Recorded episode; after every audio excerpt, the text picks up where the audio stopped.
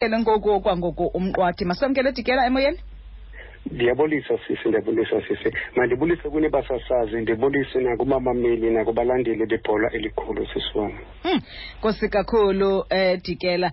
Okokuqala nje singajonga kumaqela amahlanu aphezulu phaa yi-top 5 kwiSafa Eden Region eh ingakumbi kumadoda. Adlala njani ukuza kuthi ga kwesi sihlalo. Um okokuqala sisi wam mandithande msasazi wam mandithande ukwakhankanya la maqela siwazi ukuba aphuma kwiziphi idolophi and ingawaphi la maqela sawuthetha ngawo Mhm. iqela lethu lokuqala elibekunumber one liphuma lona emosel bay ukutsho i-peacemakers lime kunumber one elo qela elo lidlale imidlalo eyi-fourteen Mm. lime phezulu encochoyini linamanqaku ayi-thirty-five sihambe siye kwiqela lesibini. Mhm. lona ekuthiwa i-f c united liphuma enice nalona. Mhm. lidlale imidlalo eyi-twelve lisemva nje ngemidlalo emibini. Lime kwindawo yesibini ndithetha nje ngani ndithetha nje nawe linamanqaku ayi-thirty two ndiye kwindawo yesithathu sineqela eliphuma kwasenayizna ekuthiwa i-red eagles.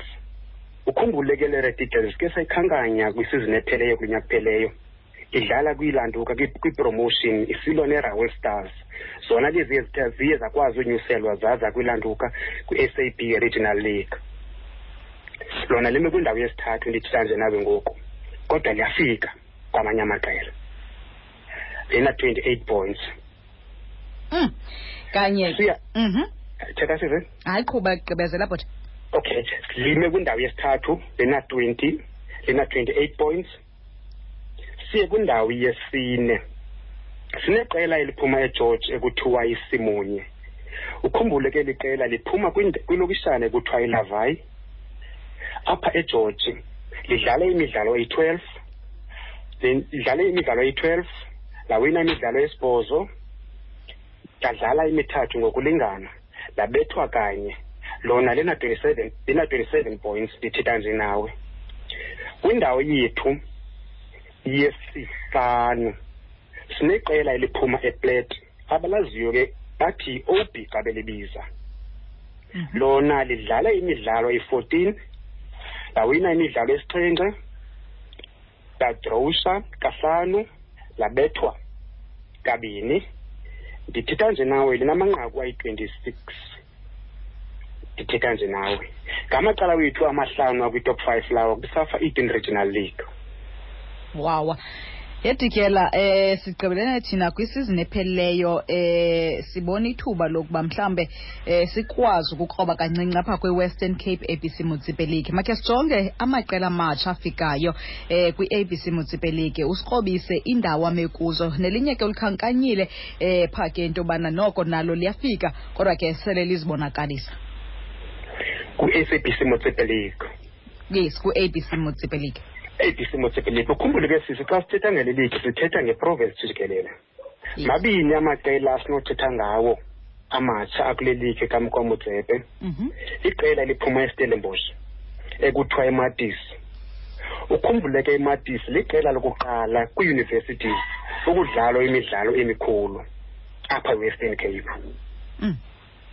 Ndibuye ke ndithethe kwiqela lesibini. Xa ndikhankanye iqela lesibini ndizawubuya umva kancinci ndize egeorge egeorge sinetim ekuthiwa ibracket loo tim yenye yetim eyakwazi nayo uzibonakalisa kule midlalo. Yathatha uxanduva yanyuka yabheka phezulu. Eh, yeyona tim yokuqala ke kwezi sizinani zimbini ndizibalayo ekwazileyo ukumela iregion ukutsho isafa eden. Idlale yona imidlalo nje esixhenxe yabethwa imidlalo emi, emi, emithathu yadrosha imidlalo emibini yawina imidlalo emibini. Ndithetha ngeblack cat ke ngoxa ndithetha. Sibuye umva sijonge kwiqela lasestellenbosch ekuthiwa imadis imadis idlale imidlalo esixhenxe yawina imidlalo emibini yadrosha kanye yabethwa yabethwa yabethwa kanye nayo. Ndithetha nje nawe ngoling number six kwistream sayo. Watsho kamnandi Dikela. Ndirhela ukwazi ke mna ke sijonge kuyo yona ke iWestern Cape um ABC c mutsipeleke eh kumaqela phambili ngokwezi streams ke ngokustream A nakustream B. Ungabalula ntoni ngohlobo abadlala ngayo? Eh before sikhankanye izitreams zibheke phambili ikhumbuleke kule western kwi-western cape kule season ngenxa yecovid khange ukwazi ukwereligatha itim loo nto yayinyanzelisa iprovince yaneetim eziyi-twenty-one sanostream a nostream b. Ukutsho ustream a uneetim eziyi-eleven ishumi elinanye and then xa uwela ujonge ustream b uneetim eziyi-ten uphinde ubuye umva ujonge phaa kwezaa teams eleven kuzawureligathwa iitim ezintathu.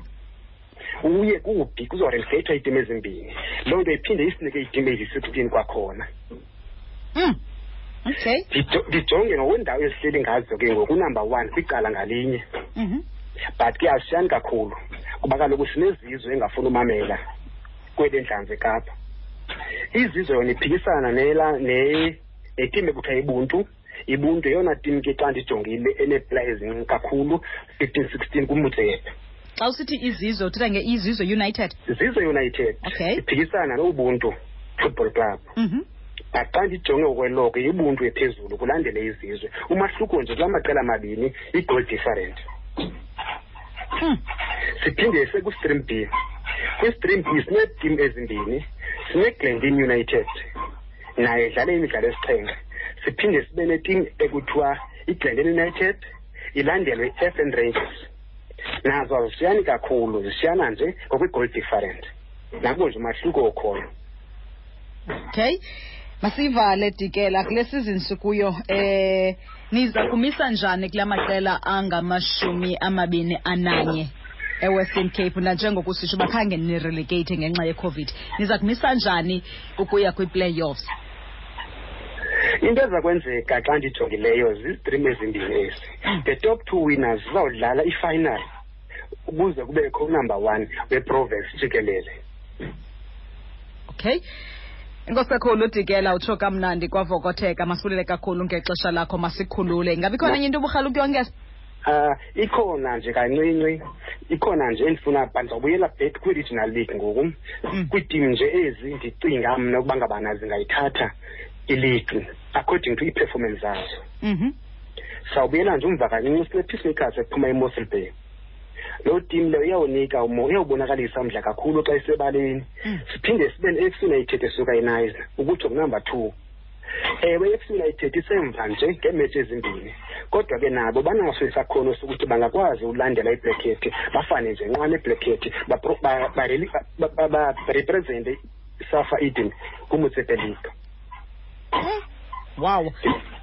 Zamnandi ezo ndaba uzitshoyo masibulele kakhulu ngexesha lakho dikela mandibole nami inkosi kakhulu basazazi bam right mphulaphula imizuzu ngamashumi